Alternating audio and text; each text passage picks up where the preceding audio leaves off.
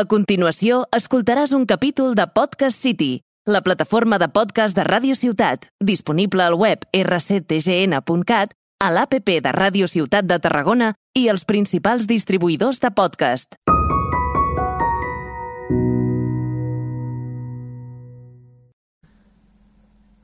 Benvinguts i benvingudes a la nit de tots podcasters. Soc Lluís Blaín, coordinador de Podcast City, i avui us presentaré el primer programa col·laboratiu de Podcast City, un crossover, diguem-ne. Un seguit de podcasters han decidit portar-vos un especial amb tot el contingut que l'època més tenebrosa de l'any pot oferir. Comencem amb Lídia Porta del podcast Posem Nom, qui, valga la redundància, ens porta a històries respecte a la veritat darrere els mites de bruixes com les de Salem i de més properes.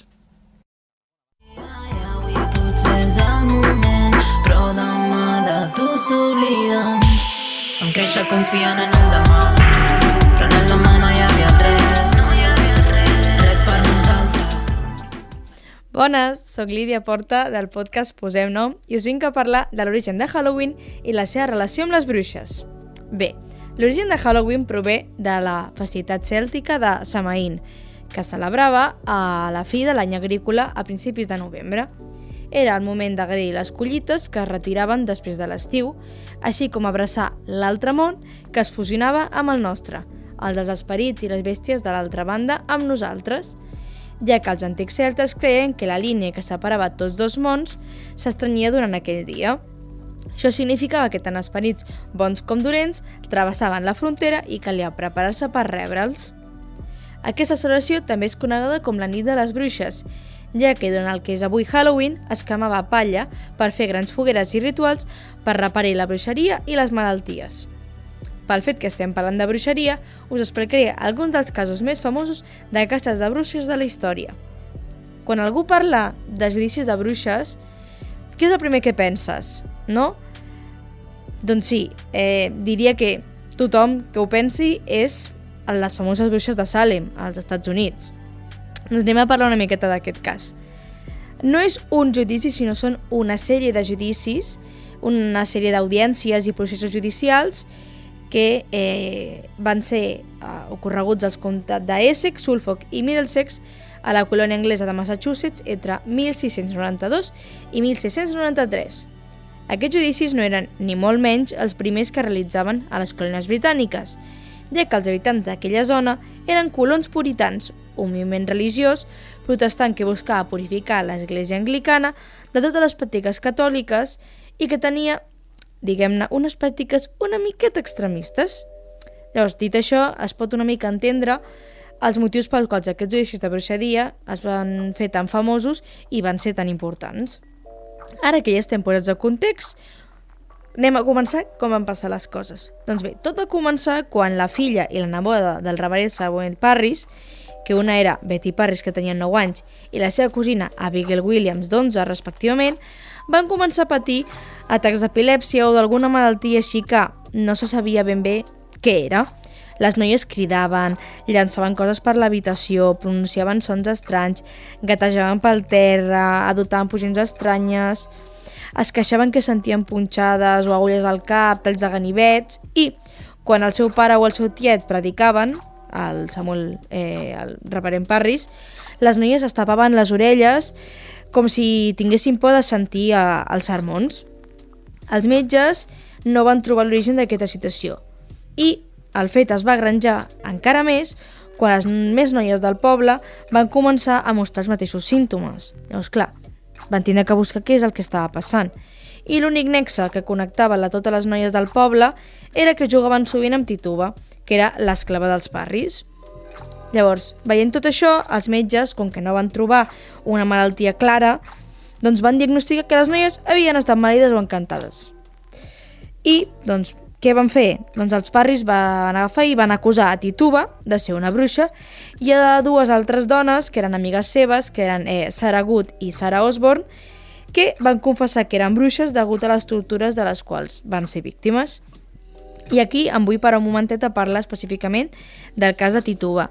I és que Tituba, a les seves confessions, va parlar de que ell havia experimentat i que havia vist gossos negres, pocs, ocells, rates, que volava amb escombres d'un lloc a un altre i va confessar també que una de les seves amigues, Sara, tenia un, una criatura així molt estranya amb camp de dona, dues cames, ales...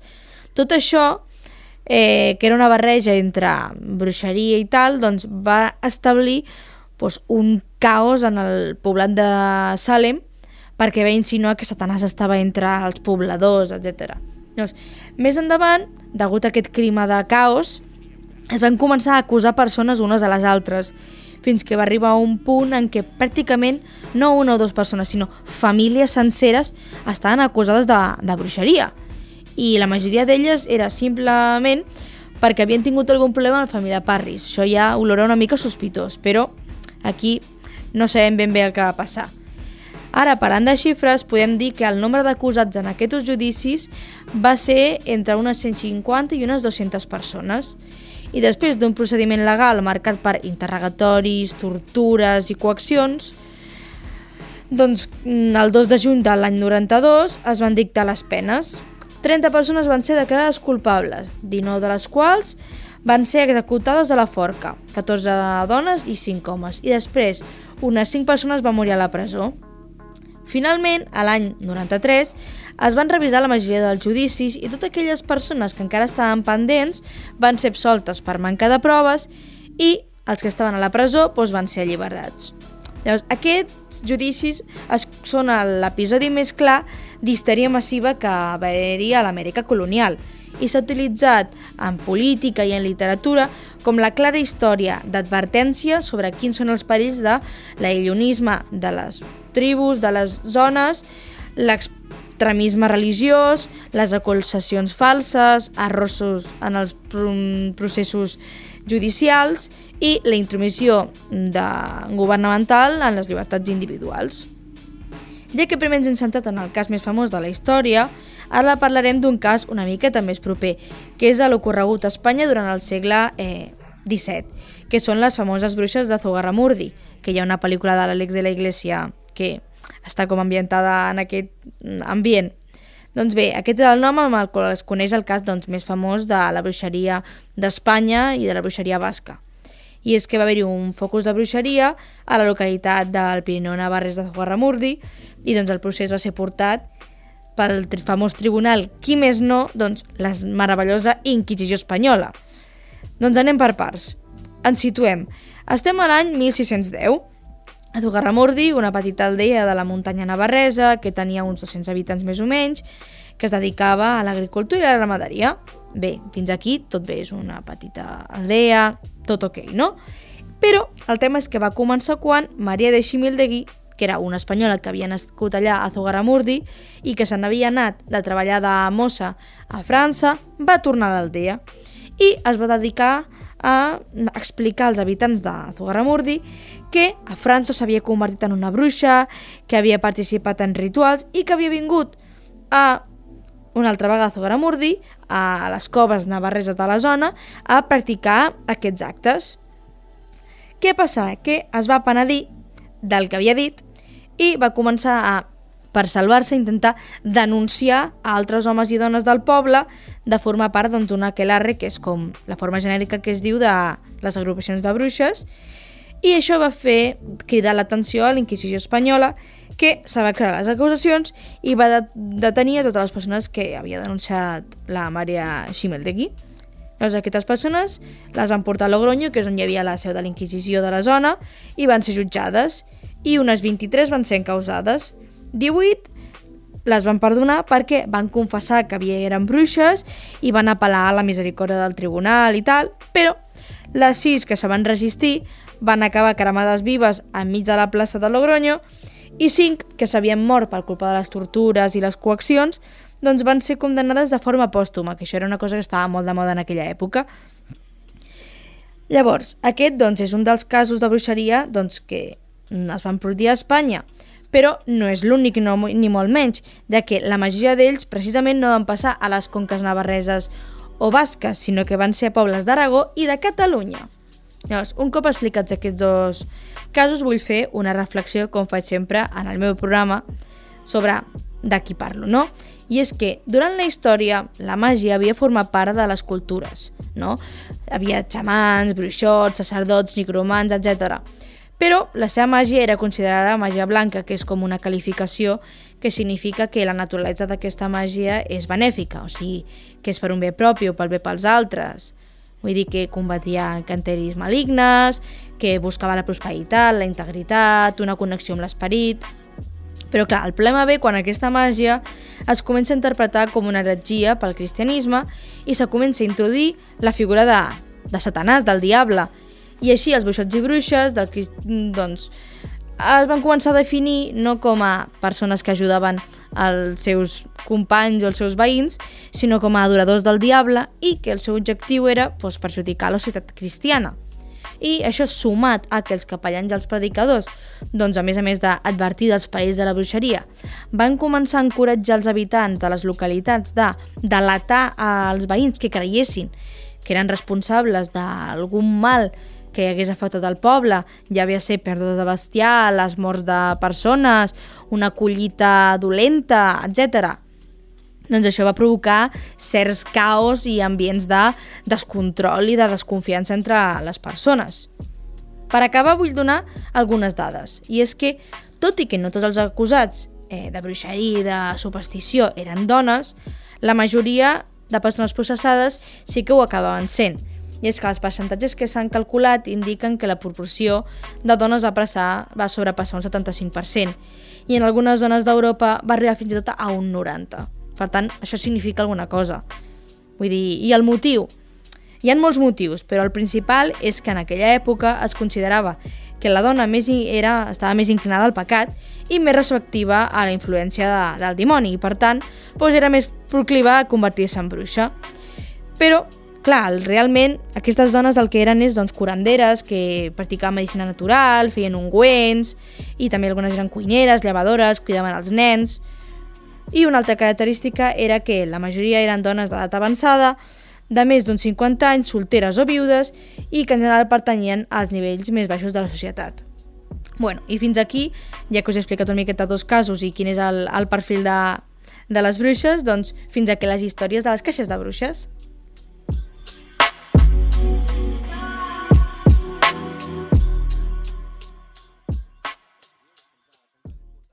Anem ara amb el més joven i valent de tot Podcast City, Daniel Benítez, del podcast El Mundo que nos rodea.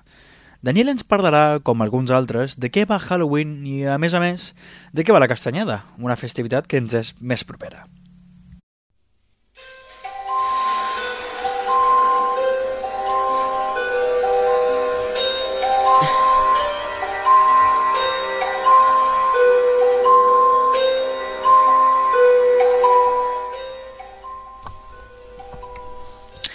Bienvenidos a este, podemos decir, pequeño especial de Halloween de El mundo que nos rodea. Nosotros también hemos querido poner nuestro granito de arena para este especial. Así que, si os parece, vamos a intentar descubrir un poquito más cómo eran estas fiestas y cómo son estas fiestas y lo más importante, descubrir sus orígenes. Así que, empecemos.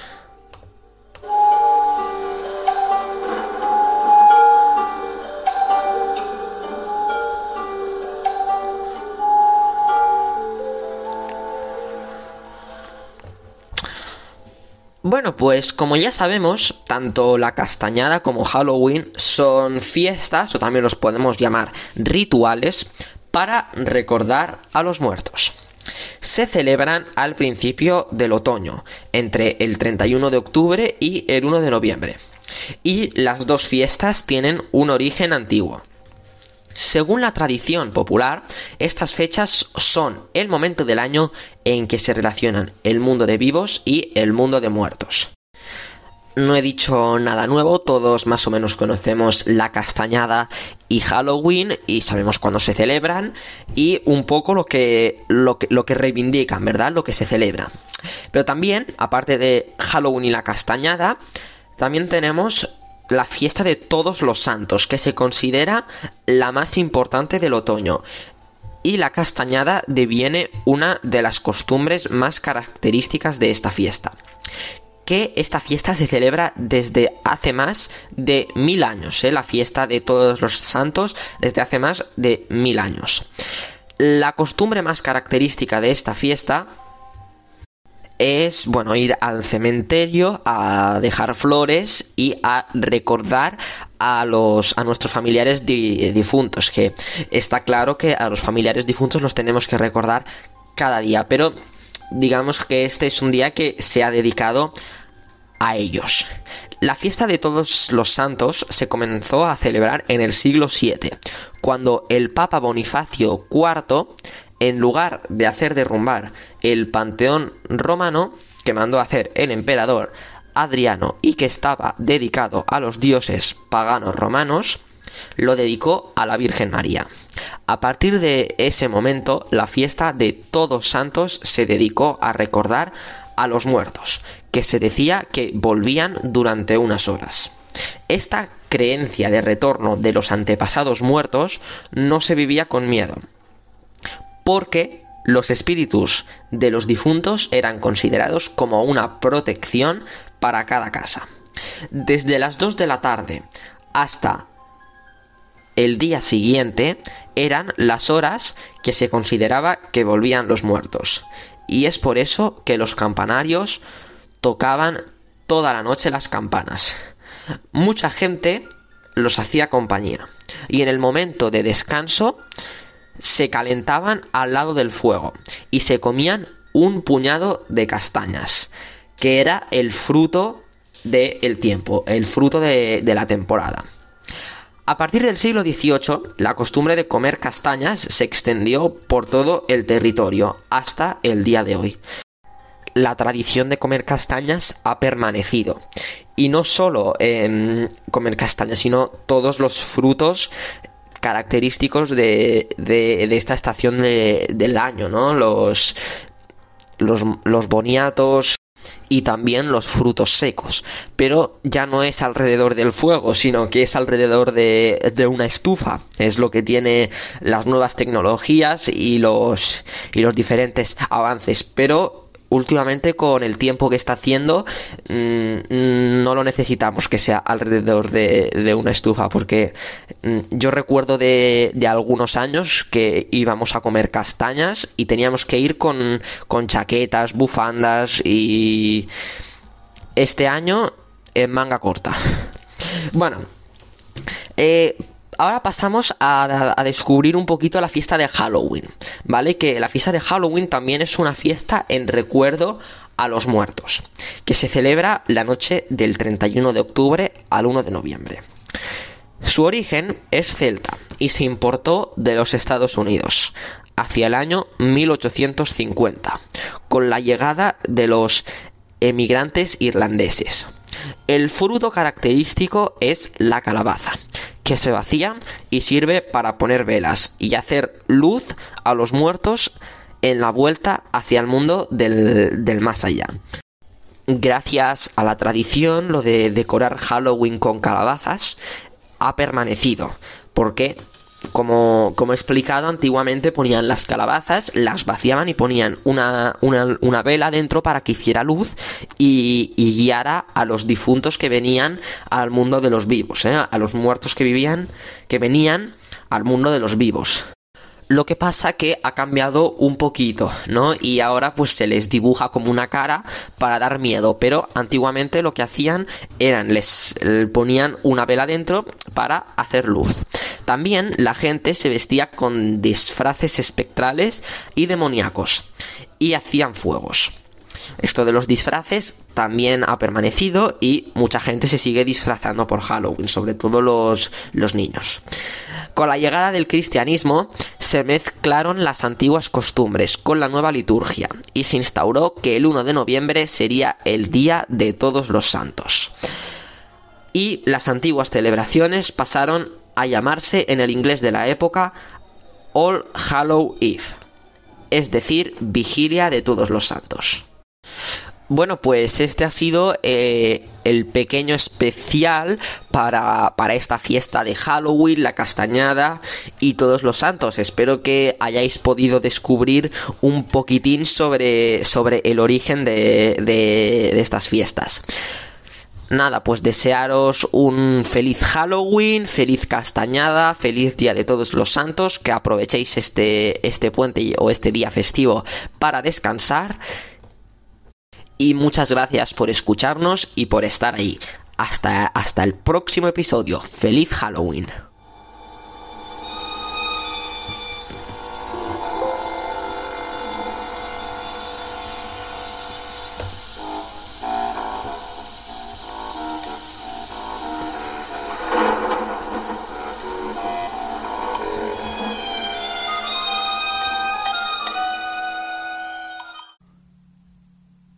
Com veieu, Daniel estima molt allò del que parla, però ara passarem a uns que, si bé els agrada parlar, odien bastant allò del que miren. Parlo, és clar, dels nostres crítics crònics, o almenys d'un d'ells, perquè l'altre no va poder participar. Gaudim del True Crime amb la Marta, la nostra crítica més gran. Hola a tothom, feliç Halloween, feliç castanyada, feliç dia de tots sants, qualsevol cosa que sigui que celebreu avui. Jo espero que passeu un gran dia, mengeu molts panellets o moltes xutxes o el que sigui. Eh, jo sóc Marta Omella, del podcast Crítics Crònics, l'Enric, que és el meu company, que grava amb mi, avui no està, però també us desitja unes bones festes. Eh, el nostre podcast, pels qui no ho coneixeu, eh, parlem de pel·lícules més, més aviat dolentes, o almenys que no són molt estimades per les crítiques, però el problema que ens trobàvem és que l'Enric i jo no som grans fans de les pel·lícules de terror, perquè som uns cagats, bàsicament, i llavors no sabíem ben bé de què parlar, perquè no podem parlar de pel·lícules de por si no les hem vist. I vam tenir la idea de fer com una barreja entre true crime no? i el cinema i vam dir, i si expliquem coses creepy que han passat, o sigui, creepy que, que donen por, que han passat durant rodatges i produccions de pel·lícules de por. I això és el que us portem avui, us explicarem unes quantes, no sé si anècdotes, però, però sí, unes quantes històries. Comencem per Twilight Zone The Movie, de 1983. La història d'aquesta pel·lícula és més aviat trista perquè durant la producció un dels actors principals eh, va morir, l'actor era Big Morrow i això és una, alguna cosa que ha passat abans, un actor morint durant la producció, el rodatge de la pel·lícula, però el que dona una miqueta de por sobre aquesta situació és que l'actor fa, fa una, o sigui, un any abans de la seva mort eh, va tenir un somni, o sigui, ell va com endevinar, sabia que la seva pròpia mort passaria. Va treure 5 milions de dòlars de la seva assegurança de vida i tot el que li va dir a la seva família i als seus amics és que ell estava seguríssim de que alguna cosa dolenta passaria eh, i perquè ho havia vist en un somni. Clar, també va dir a més, és que això és el que fa més llullo, que l'accident passaria durant una de les seves pel·lícules. I efectivament, quan va començar el rodatge, un helicòpter va tenir un accident i Morrow va ser decapitat. I a més, després es va descobrir que un concept artist, o sigui, un dels artistes de la pel·lícula, eh, havia dibuixat una escena que era idèntica. O sigui, no va ser intencionadament, però era idèntica. Eh, això dona una miqueta a pensar.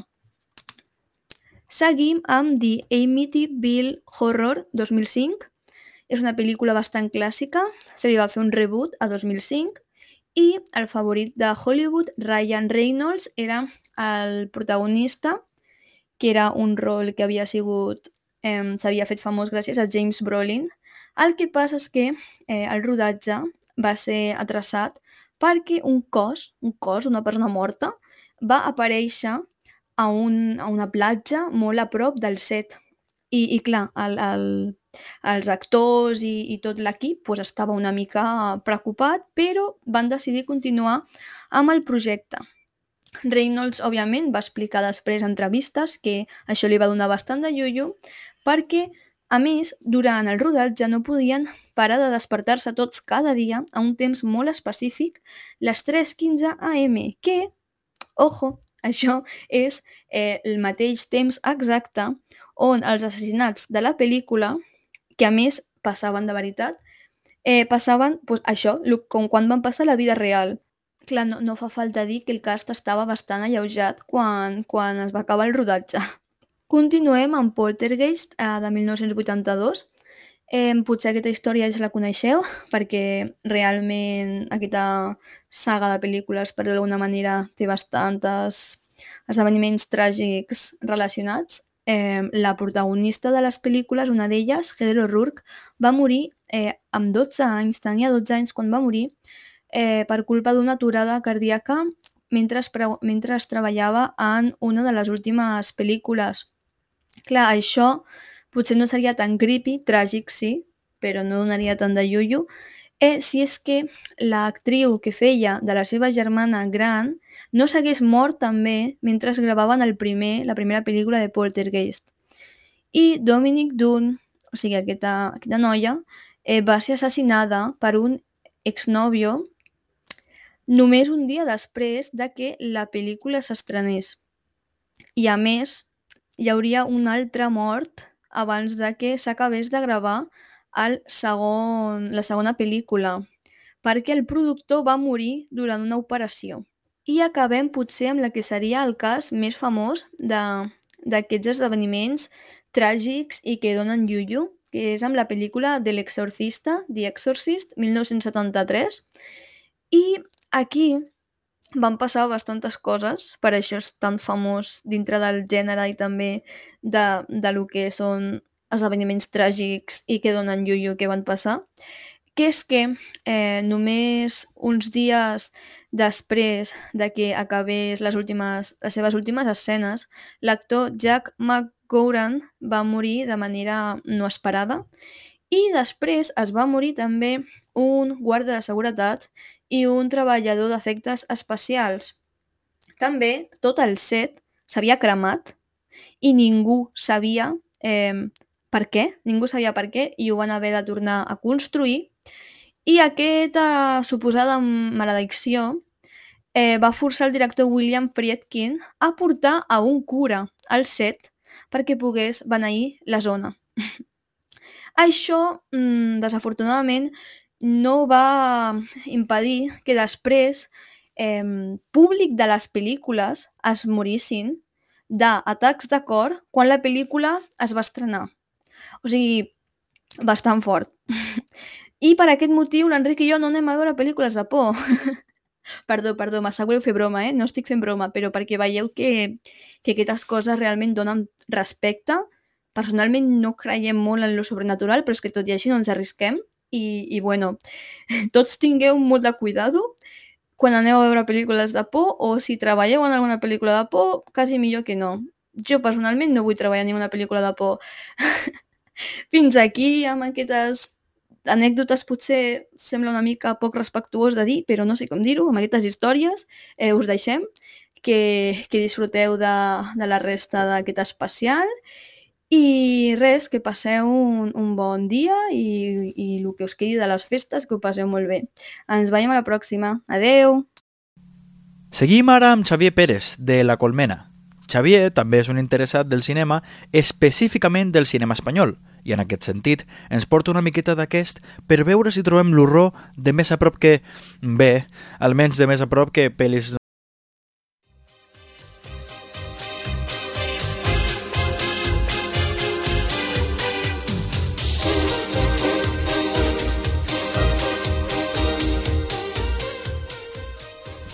Bé, eh, parlant de Halloween, de Castanyada, perquè ja estem en aquestes dates, bueno, ja sempre que es baralla per aquests dos conceptes, no? Eh, realment hauríem de celebrar més la Castanyada, que és de casa nostra, no? és el quilòmetre zero, entre cometes, de les tradicions, o bé no passa res i hauríem de celebrar d'igual manera eh, una festivitat americana com Halloween. Bueno, eh, discussions a banda, que al final cadascú té la llibertat per celebrar més una o altra cosa. El cert és que realment hi ha pel·lícules molt interessants que, més enllà de la gran superpotència estadounidenca en producció de cinema, també tenen eh, molt caliu, tenen molta qualitat creativa, també poden entretenir perfectament perquè són pel·lícules molt originals, són guions que sí és veritat que es van escriure fa temps però continuen vigents perquè al final sembla que a vegades també s'oblida una mica això, que una bona obra ja pot ser escrita o dirigida als anys 70. eh, fins i tot en període predemocràtic, perquè si és bona, sempre agradarà. Vull dir, no perdrà vigència. Sempre podrà ser visi- visible per un nen, per una persona gran, per la gent jove, el que sigui. I bàsicament aquí és el que farem. Eh, sense renegar del Halloween ni tampoc de la castanyada, ni al revés, el que farem serà proposar un seguit de pel·lícules que considero personalment que probablement si no les heus escoltat mai, com a mínim, eh, el que segur que no heu fet és veure-la més d'un cop, estic segur. La primera candidata que vull posar sota la taula és Muerte d'un ciclista. Muerte d'un ciclista eh, és una pel·lícula que el que fa és reflexionar sobre els valors de família en l'època franquista. La pel·lícula comença amb això, amb la mort d'un ciclista que acaba sent arrollat completament i acaba sent mort per un cotxe, per un cotxe que estava distret. I aquest cotxe estava sent conduït per un amant i pel seu amant.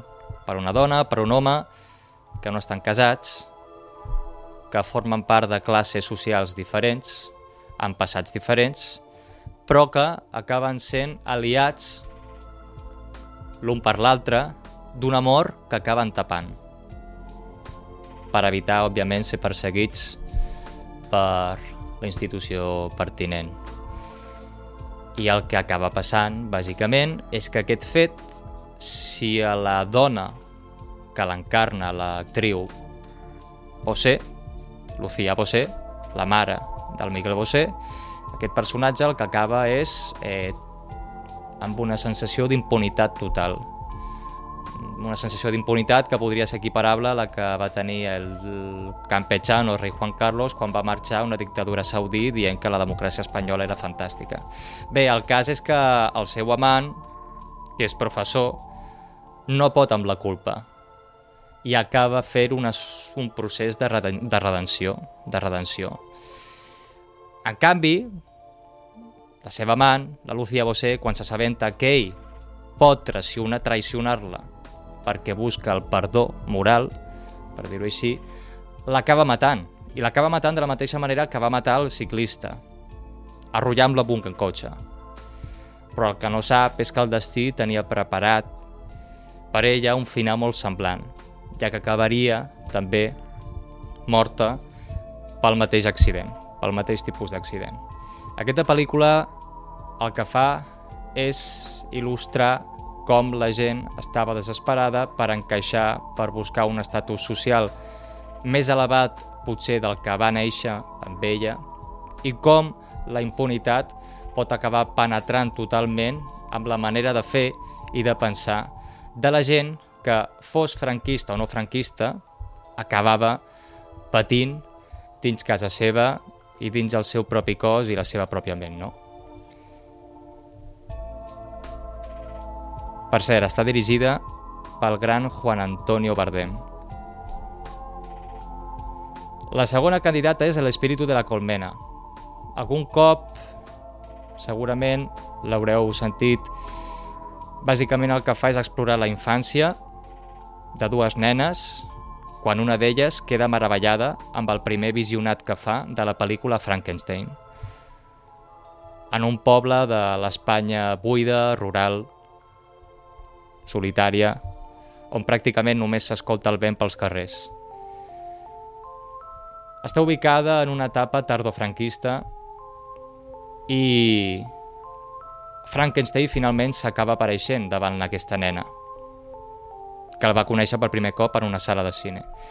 Però aquest Frankenstein és un maqui, un soldat republicà que està malferit i que li farà remoure consciència i acabar s'entenint un sentint de la que és la vida i la mort que buscarà una confrontació directa amb el seu pare perquè amaga alguna cosa relacionada amb la mort d'aquest Frankenstein, d'aquest maqui que lluitava per abolir el règim franquista.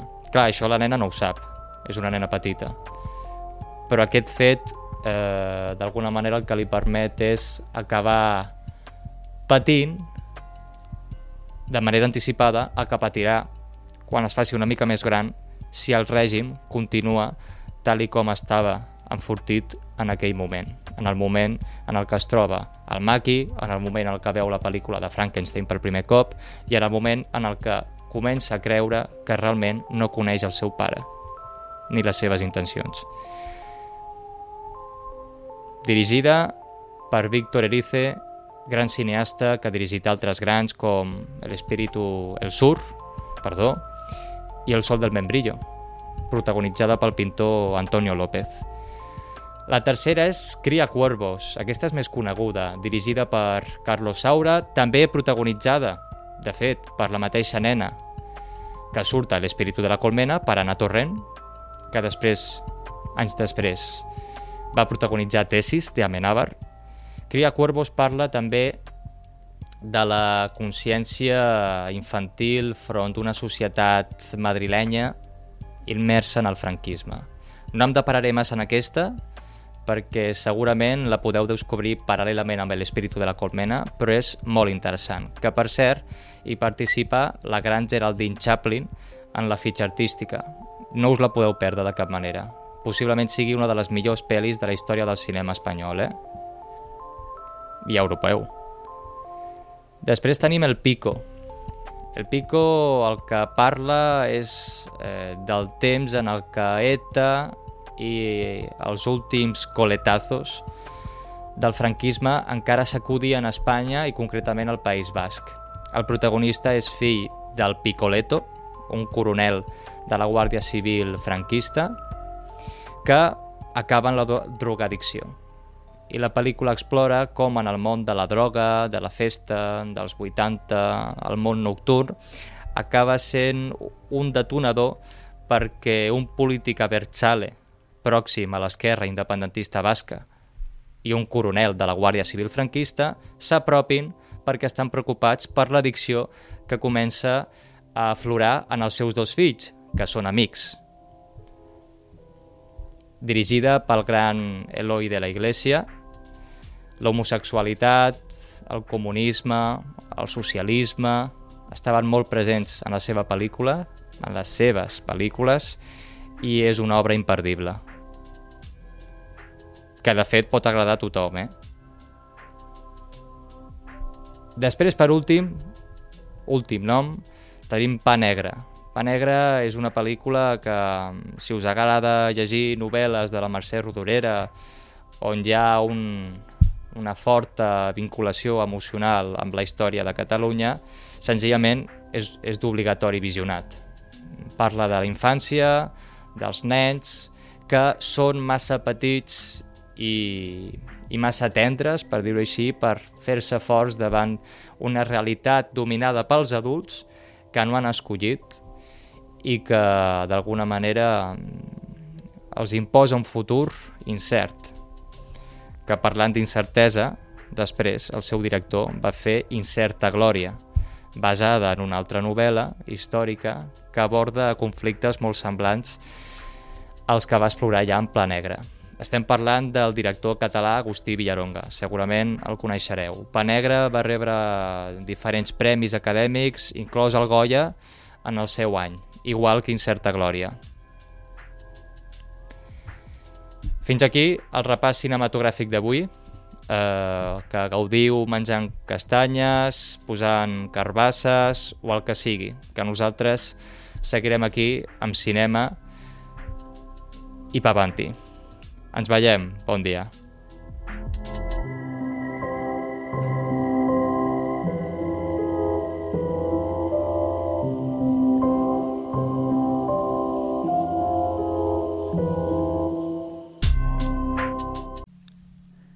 I si volem parlar d'història, els millors per parlar del tema són els dos podcasts següents.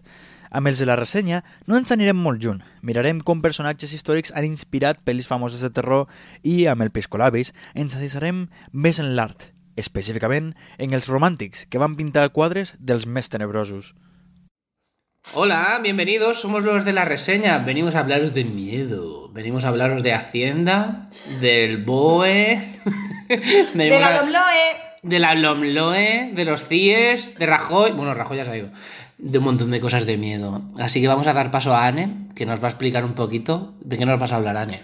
Os voy a hablar de Ed Gein. ¿Qué? ¿De qué? de qué? Seguro que de nombre muchos no sabrán a quién me refiero, pero cuando os explique que inspiró películas como La Matanza de Texas, Hostia. Psicosis, Ju. series como American Horror Story, o una nueva que acabo de empezar a ver, Dahmer, Monstruo, la historia Ay, de Jeffrey Dahmer. Esta es la de Netflix. Esta es no la he visto aún. Pues flipa. Pero solo, solo sé que hay un, el tío de las gafas. Sí, ese es. ese es Que las gafas las están subastando por una pasta ahora. ¿Sí o no? Sí. Pues yo empecé ayer pues, de casualidad. No, De casualidad no, porque pondrías las más vistas. No, no, eso que te aparece. Recomendadas para ti en un 98%. Y dices, ¿Has ah, visto que tienen como tienen propios re- propias reseñas? Sí. eh, eh, y pone alucinante, escalofriante. Ahí hay una que. Ay, me hacía mucha gracia. No me acuerdo ya cómo se llamaba, pero era como. No, no me acuerdo, no me acuerdo. Bueno, la cuestión es que empecé a ver esta serie ayer y vengo a hablaros de el persona, la persona en la que se inspiraron todas estas estos grandes clásicos del cine y actuales series de televisión. Vale, venga. Edward Theodore, Theodore Theodore. Gain nació en en el condado de La Crosse, Wisconsin. Joder, pues ahí te... tienes dos opciones. Tomas en Wisconsin. O ser asesino o granjero. Pues eran las dos cosas. ¡Oh! Acerté. Nace el 27 de agosto de 1906 y fallecerá en Madison el 26 de julio de 1984. Madison también está en Wisconsin. No, ¿ves? No se movió. No. Es un estado... eh, ¡Pediatra!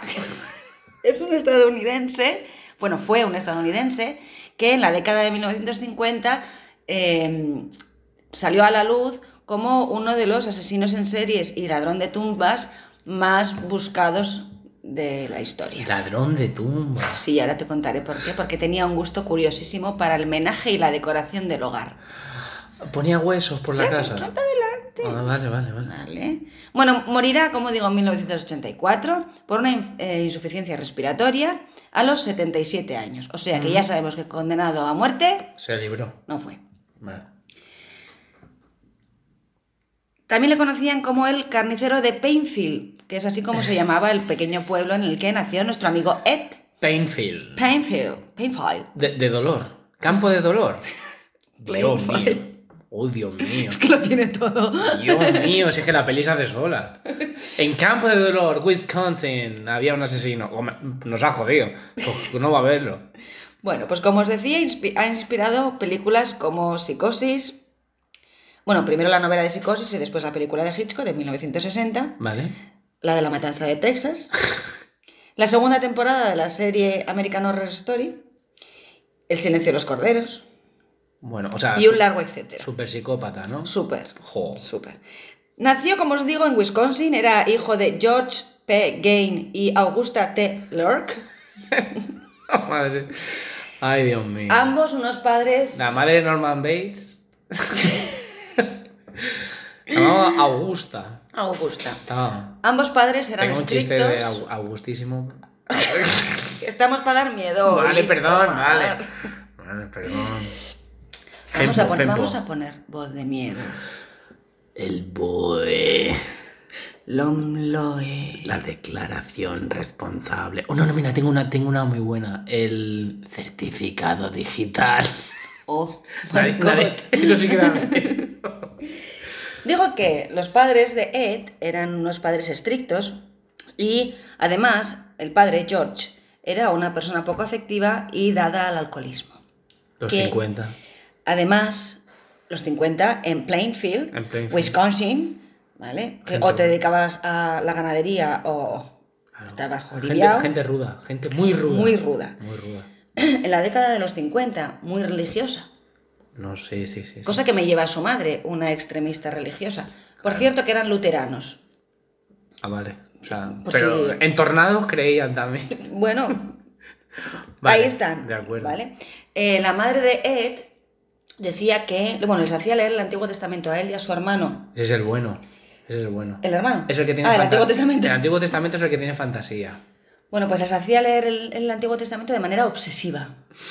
O sea, y decía que las, ¡Esta no es! ¡No es! decía esta mujer que las mujeres eran eh, la fuente misma del pecado, que eran todas unas prostitutas y que solo querían llevar a los hombres a los infiernos. Dios mío. Así que vivir en Plainfield, en las, afuera- en las afueras de un pequeño pueblo, en el campo, en una granja, en la que se dedicaban a rezar, a hora et labora, ¿vale? rezar y trabajar, poca vida social tenían El, Ed, Fa- el Far Cry 5, vamos. pues Ed y su hermano Henry, poca vida social tenían. Claro. El padre, eh, a los 66 años, falleció y se quedaron Ed, Henry y su madre Augusta solitos en casa. Sí. Henry, eh, que era el mayor, empezó entonces a desafiar un poco los ideales religiosos de su madre, Eso que tanto Noé, tanto Moisés. empezó a relacionarse más con gente pues, de los Sí. alrededores y De los alrededores de las afueras de Plainfield. sí, bueno, O sea, de la granja de sabes, al lado. de la granja de al lado y esas cosas. ¡Tomás! La cuestión es que Henry, desgraciadamente, falleció en extrañas circunstancias está. Tras un incendio en la granja. Ya está. La- las historias de Anne, to- todas tienen el mismo calado. Pese a que el informe forense determinó que la causa de la muerte había sido la inhalación de humo y eh, el fuego, las llamas, eh, resulta que el cadáver presentaba además serios signos de violencia física. Sí. Lo enterraron con el padre y chispún. Aquí nadie ha visto nada. Pa- Plainfield. Al cabo de los años, eh, la madre, Augusta, sufrió un paro cardíaco en 1944. No murió hasta un año después y durante todo ese año Ed cuidó de su madre devotamente. Ay. Los psicólogos determinaron que Ed había desarrollado un complejo de Edipo muy grave bestia. y bueno, pues cuando ella murió, pues él se quedó solo como la una. Hay un girito seguro. Mm, Chan, chan. El 17 de noviembre de 1957 recibe una visita en su granja. Es la policía. Vienen debido a que ha, re- ha, desaparecido la tabernera del pueblo, Bernice Warden, y todos los indicios indican que Ed tiene alguna cosa que ver.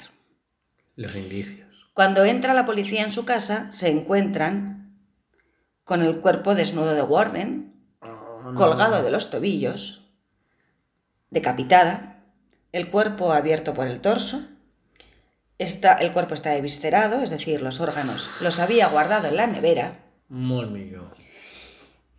Y entre otras cosas, 10 cráneos, cráneos sin la parte superior para hacerlos servir de tazones y ceniceros, pantallas de lámparas y asientos hechos de piel ¡No! humana, Oh, oh, no.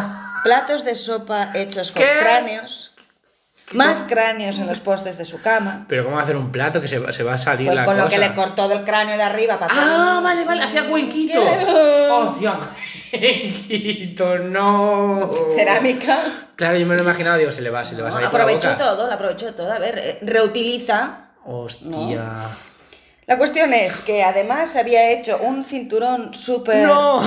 molongui de pezones humanos ¡Ah, no! y en una caja de zapatos tenía nueve vulvas. Espera, a ver. Todo esto fue fotografiado por la policía que el fatídico 17 de noviembre Hostia, de tío, mal 1957... ¿Cómo que una caja de vulva? Sí, vulvas. Una caja de vulvas. Sí, bueno, luego tenía eh, tarros con formol y eso, cos- cosas varias, ¿eh? Hostia. Sí, sí, sí. Bueno, fue fotografiado y era una cosa tan asquerosa que todo lo- aquello fue tirado a la basura. Si entráis en internet, No, no, no, no, encontraréis no, no, estas no, cosas tan no, no, asquerosas. no, no, no, no, no, no, no hay nada, la Ane no os ha dicho nada. Dios Bueno. mío. Además, eh, nuestro amigo Ed Ay, admitió haber asesinado a otra persona del pueblo, a Mary Hogan. Ahora no recuerdo si esta era la camarera y la otra era la de la gasolinera o al revés. bueno, La cuestión, dos mujeres asesinadas. gente Nunca, del sector servicios asesinada por un granjero. Joder, qué mal cuerpo se me está quedando. nunca admitió haber, eh, eh, haber cometido canibalismo, ¿vale? Pero bueno, no se descartó jamás. Em, ¿Qué más os iba a decir? Evidentemente, evidentemente, le diagnosticaron una psicopatía y le encerraron en un psiquiátrico. Vale. Vale. Vale. Al menos tuvo una condena. Vale. Hasta que se murió en 1984. Dios mío. Eh, también dijo que jamás en la vida se había acostado con ni con las dos personas que había admitido asesinar, ni con los cuerpos de las personas que había eh, sacado de sus tumbas para sacar todos estos cráneos y Oh, demás, no. porque, palabras textuales, olían muy mal. Dios mío de mi vida. Vale. Y esta es la persona real en la que se basaron para todos esos clásicos de cine. Y digo yo, es que a veces la realidad supera la ficción. Yo, yo estoy atrapado en la caja de vulvas, pero vale, vale, vale. Ah, me ha dolido mucho, ¿eh? No, no me ha gustado. me, ha ¿Te, parecido- te ha dado miedo? me ha dado miedo. Quiero, quiero preguntarle a, a nuestro compañero Omar, ¿cuál es tu película de terror favorita? Te lo juro. eh, resulta. Yo no soy de ver pelis de miedo. Yo ya pienso que si quieres ver cosas de miedo, te pones el 324, te, pones el canal 24 horas y eso ya da miedo. Así que no voy al cine a pasar miedo. Mm, mi umbral de miedo, para que tú veas, eh, es la peli de ET. a mí la peli de ET me da pavor. ¿Y no has visto El Exorcista? ¿Qué voy a ver yo el exorcista? Pero si es no una puedo ver- risa. pero si no puedo ver ET, voy a ver el exorcista. Tienes que ver El Exorcista, que es una risa. Pero yo te explico por qué me da miedo ET. Me da mucho miedo ET. Porque tiene un dedo hinchado. No, porque a mí de pequeño, o sea, mi madre, para que yo no tuviera miedos, a mí me lo explicaba todo. ¿Vale? Vale. Para, no, no tengas miedo a esto, no tengas miedo al otro. Entonces mi madre pues leía muchas cosas de, de, de ovnis y yo le preguntaba, ¿pero esto existe y tal? Me decía, bueno, puede ser, puede que no. ¿Quieres que llamemos a un ovni? Y entonces le hacía, om. Y yo, no, no, no, no, no, no, no me la líes, no me la líes, que, que, que, que va a venir aquí un bicho que. Bueno, entonces yo desarrollé O sea, no un tenías miedo. miedo a ET, tenías Te- miedo... un miedo exacerbado hacia cualquier cosa que venga del espacio, Pero ¿vale? si ET es Moni... Entonces, claro, me dijeron, a ver, para que se le vaya como un poco el miedo, le vamos a poner ET, que es como una peli de para niños, extraterrestres, ¿sí? Entonces, yo lo primero que hago es, me ponen un VHS que yo no tenía, ¿vale? Me ponen aquello, y, y da la casualidad de que mm, aparece un momento en el cual ET chilla, porque lo descubren Sí. haciendo... Y yo vi eso, y es como... Y mira, lo estoy contando y tengo los pelos de punta. Madre Te lo juro, mía. no puedo ver ET. Ese es mi umbral de miedo, no puedo ver ET. Y Pues- nunca la he visto. Y además eh, me pasa que, como soy de la quinta de Drew Barrymore, que aparece Sí. en esta peli haciendo Sí. de niña, a Drew Barrymore en- durante toda la película ET le da pavor. Sí. Pues yo enfatizo mucho con Drew Barrymore y me da muchísimo miedo, además tantos poderes ahí. O sea que nunca viste El Retorno de las Brujas y esas películas que ponían clásicas en estas fechas, ¿eh? No, no, no, no, no. no. Vaya, y yo de hecho Star Wars lo miré en plan diciendo, "Oh, pero ¿aquí qué? Me tuve que informar primero un poco y Star Wars lo tolero, pero todo lo que venga del espacio, aquí contando mis fobias de por, por la Madre radio. mía. Ay, Filch, pues bueno, eh, pues de tiempo creo que ya estamos, así que no sé si le damos paso al siguiente o lo que sea, bueno... No lo sé, yo deciros que verdaderamente, si, no, que, si queréis pasar miedo, poner el telenoticias, que os lo vais a flipar. Ha- ha- Hacemos una apuesta, Anne. ¿Qué? Eh, ¿Putin tira la bomba o no la tira? No. Yo no sé qué decirte, ¿eh? Yo- es que para mí está loco. Igual cuando se emita esto.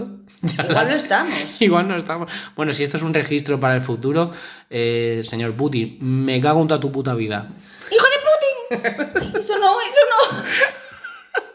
Adiós. ¡Adiós!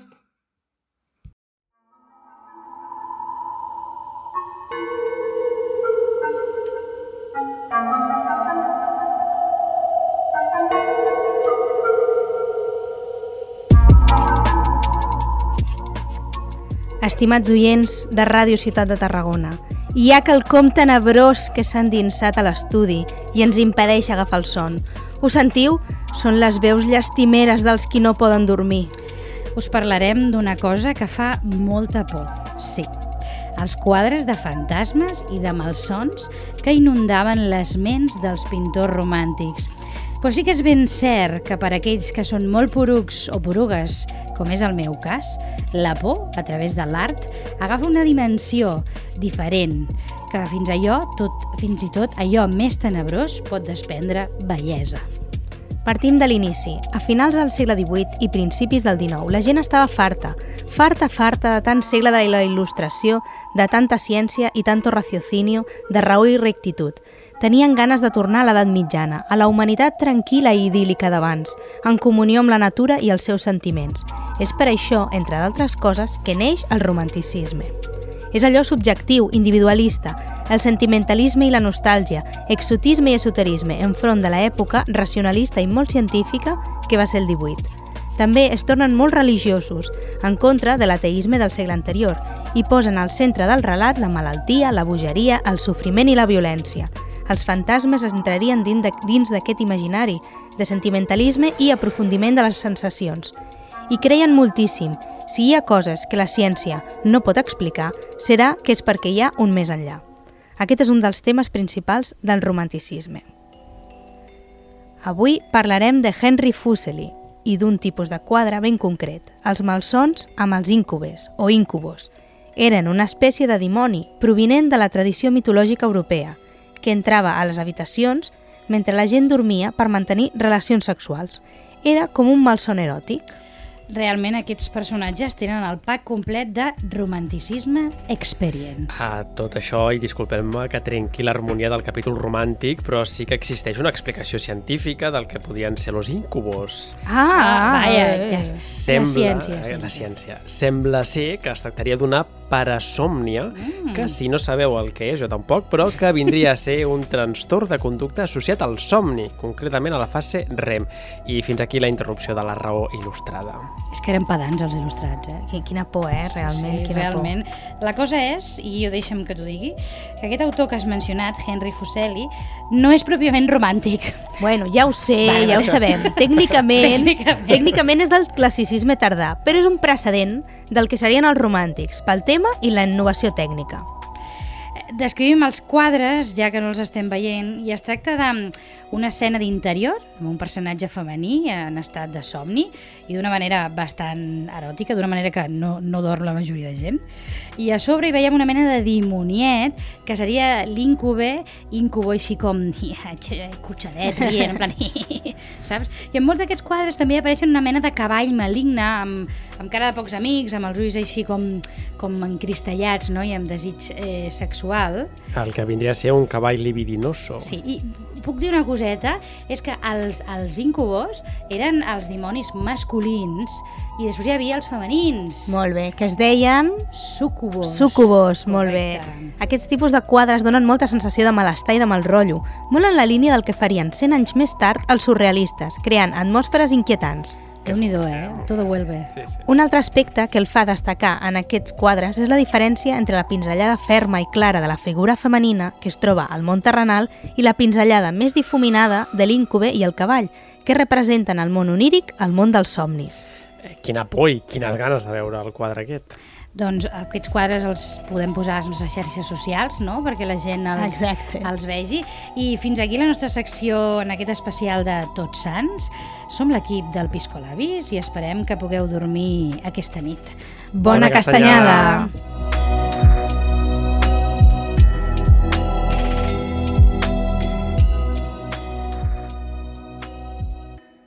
I acabarem amb Entrada per a dos.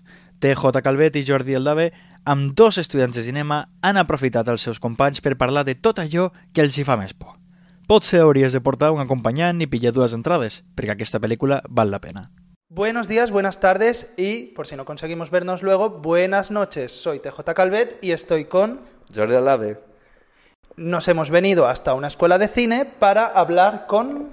futuros directores. ¿Y de qué vamos a hablar? Pues sobre películas de miedo. Muchos de estos invitados podréis haberlos visto en nuestro podcast Entrada para dos o si no, vendrán próximamente. Así que que vayan pasando. Peli que te haya hecho más miedo. Eh, yo diría que está entre Halloween, otra vez, porque la vi con, bueno, me, pero no, la vi, me obligaron a verla con seis años y entre la música y, eh, bueno, la historia, el minto del hombre del saco, yo estaba cagado. Y Chucky también, De hecho, yo me imaginaba a Chucky cuando soñaba, me imaginaba su sombra, cómo se acercaba hacia mi, habita- hacia mi habitación desde fuera del pasillo, un miedo que te cagas. Y no podía ir al baño y lloraba mucho. Te diré El Resplandor porque es de las pocas pelis de miedo que me he visto, pero no me dio miedo tampoco. Me gustó, pero pasa palabra, diría yo. Pues es que no sé cómo se llama, no me acuerdo, pero va de... O sea, la vi de más pequeña, pero iba como de un alien, que no es alien. pero hay una escena que sale de un váter y me quedé un poco traumatizada. Igual Alien cuando era más joven, ahora ya no, pero Alien en su día me hacía irme en diarrea. Cats. Una peli que me haya marcado cuando era pequeño era Insidious, por un plot twist final que, que bueno, te dejaba un poco chocado, para un niño sobre todo. ¿Peor película de miedo? ¿La más mala que hayas sí. visto? Esta sí, está, te diría que Insidious, tío. Insidious, muy mala. La última mala, mala que recuerdo, La Monja. Era un desastre. Las españolas, me vi una hace poquito, ¿cómo se llamaba? Victoria, es horrible. La última de Halloween, lo que se supone que es el cierre de Michael Myers, es una bazofía un poco deleznable. Los tomates atacan. Oh, buena peli. ¿Tú qué tres cosas te llevarías para sobrevivir a un ataque de zombie? La peli de Cats. no. Eh, una navaja, un mechero y gasolina. Eso está claro. Cinta americana. O sea, cinta americana, por es un clásico, pero coño, es que te, ar- te arregla, te, arregla todo, básicamente. O sea, puedes crear armas, puedes, yo que sé, asegurar puertas, asegurar cosas, eh, incluso curarte heridas con cinta americana, coño, eso es la puta hostia. Luego un arma, obviamente. De, de- de fuego no, porque si hablamos únicamente de zombies, yo entiendo que en un mundo apocalíptico las personas también pueden ser peligrosas, pero si hablamos únicamente de zombies como tal, armas de cuerpo a cuerpo, que no hagan ruido, machetes, por ejemplo, que raban en cabeza sin hacer ruido, eh, ¿qué más? Cuchillos incluso, aunque yo soy más fan de machetes por el hecho de que son como cuchillos pero más largos. ¿Y qué más? A ver, mm, como tercera opción, eh, ropa elegante. Eh, no, no, fuera bromas. daría Para mucho- verte cool en el apocalipsis. Básicamente. Una chupa negra. Pero daría mucho empaque. Y sería muy divertido matar zombies con un machete y vestido de gala. ve- Vestido de Peaky Blinders. Anda que no sería, no sería gracioso. Nadie te vería, solo, solo habrían zombies, pero... La comida, algún arma pa- para matar a esos bichos. Y gente conmigo para ayudarme a matar a esos bichos, qué sé yo. Un cuchillo, pero ya no para matar zombies o lo que sea, sino también como herramienta de supervivencia tiene varios usos. Hombre, y a poder ser pues un arma de fuego para tener un poco de distancia siempre va bien, pero Mucha agua, una navaja y a mi perro. Mochila para almacenar suministros. Y... no sé, eh, un peine. ¿Por qué? Pues porque no. Ahora, te está persiguiendo un asesino en serie. ¿Cómo escapas de él? Eh, depende mucho del asesino. Si es el de Scream, por ejemplo, básicamente correr en línea recta. Porque el pavo, o sea, con la tela que lleva encima es imposible que vea.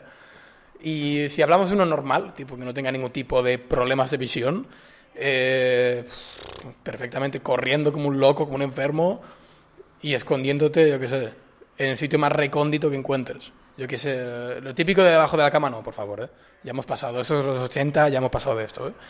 Pero yo qué sé, si estás en una casa, intenta escapar, tírate por la ventana, reviéntate. Tienes, yo qué sé, tienes ahí a, Mike- a Michael Jackson, iba a decir. Tienes a Michael Myers detrás tuyo, ¿qué haces, tío? Tírate por la ventana, reviéntate. Y, bueno, pues eso, correr como un loco. Pues yo que soy ágil y corro bastante, intentando correr, meterme en callejones, ta, ta, ta, ta, y, y siempre al descubierto. O sea, cuando, en lugares donde hay mucha gente y que si, si, me, si me mata, vamos. Con máxima O se carga 20 más o, o lo pillan. Intentaría ir a un sitio en el que haya mucha gente para, bueno, para que o me pille a mí o, o pille a otro. o a ninguno, a poder ser, ¿no? Pero sí, me mezclaría entre la multitud. Me escondo, me escondo, me escondo, me escondo, me escondo en el maletero de mi coche y lo cierro. Perfecto, poniéndoselo fácil. No, porque me quedo yo la llave. Porque subir en el coche e irte no... Hombre, yo creo que el transporte público pues puede ir bien por el tema de los testigos. Yo llevaría vestido, me lo subiría. Él se querría bajar los pantalones y ¿qué corre más? ¿Yo con el vestido subido o él con los pantalones bajados? Muy buen argumento, nada que objetar. ¿Qué personaje cliché serías en una película de miedo? A la que matan, obviamente. La rubia tonta que matan, pues yo sin ser rubia. Sí. Yo creo que sería el, el chaval que, que por dentro está cagado, pero cagado de miedo, pero realmente no lo exterioriza y trata de parecer, pues, el tío seguro, pero claro, está cagadísimo, no sabe nada. Yo sería el que el que diría de ir todos juntitos. el, el de nada de separarse, todos juntos. Y si morimos, morimos juntos, apelotonados. Bien hecho. A lo mejor el, el que sale de la casa para, investi- para ver el ruido que había y termina pillando. Moriría la primera, seguro. seguro. La peli que más miedo me ha dado de pequeño era eh, Monster House. Me la has robado. Yo no podía ver esa peli, me, me cagaba encima, literal. O sea, no, no podía. Hostia, Mira, Caroline. Y era, No, era la segunda película que más miedo me daba. mis padres me llevaron a ver Caroline en 3D en el cine para mi cumple. Peor regalo, o sea, salí llorando del cine. Después de este momento traumático, eh, peor película. ¿Y por qué es La Visita? No he visto la visita. Es horrible, no la veáis. Tres cosas que llevarías a un apocalipsis zombie y por qué. Una, una caravana, plan una furgoneta, una caravana camperizada, muchas armas, pero en plan katanas y cosas así, que pueda matar desde lejos, y gente. Un perro, un perro. Yo respondo a esto que a nadie se le ha ocurrido decir la cura al apocalipsis. Quiero decir, la cura al virus o la mierda que sea esa. Eh, una, un arma, por si acaso no funciona, y eh, una multiusos. Viene un apocalipsis zombie y no tienes un- la cura a mano, ¿sabes?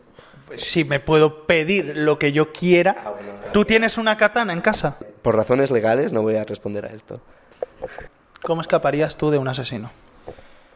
Yo, mira, de pequeño siempre tenía un, un sueño recurrente que era que me perseguían para matarme y llegaba a un callejón sin salida y me quedaba allí y le decía, perdón, perdón, perdón, ¿eh? si quieres me uno a ti, ¿eh? si quieres te ayudo a matar. Yo me vendía, no, no, en verdad, en verdad no, en verdad correría y le tiraría una silla o algo.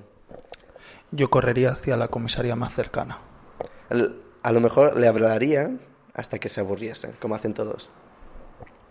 Le diría que soy una relación estable y huiría.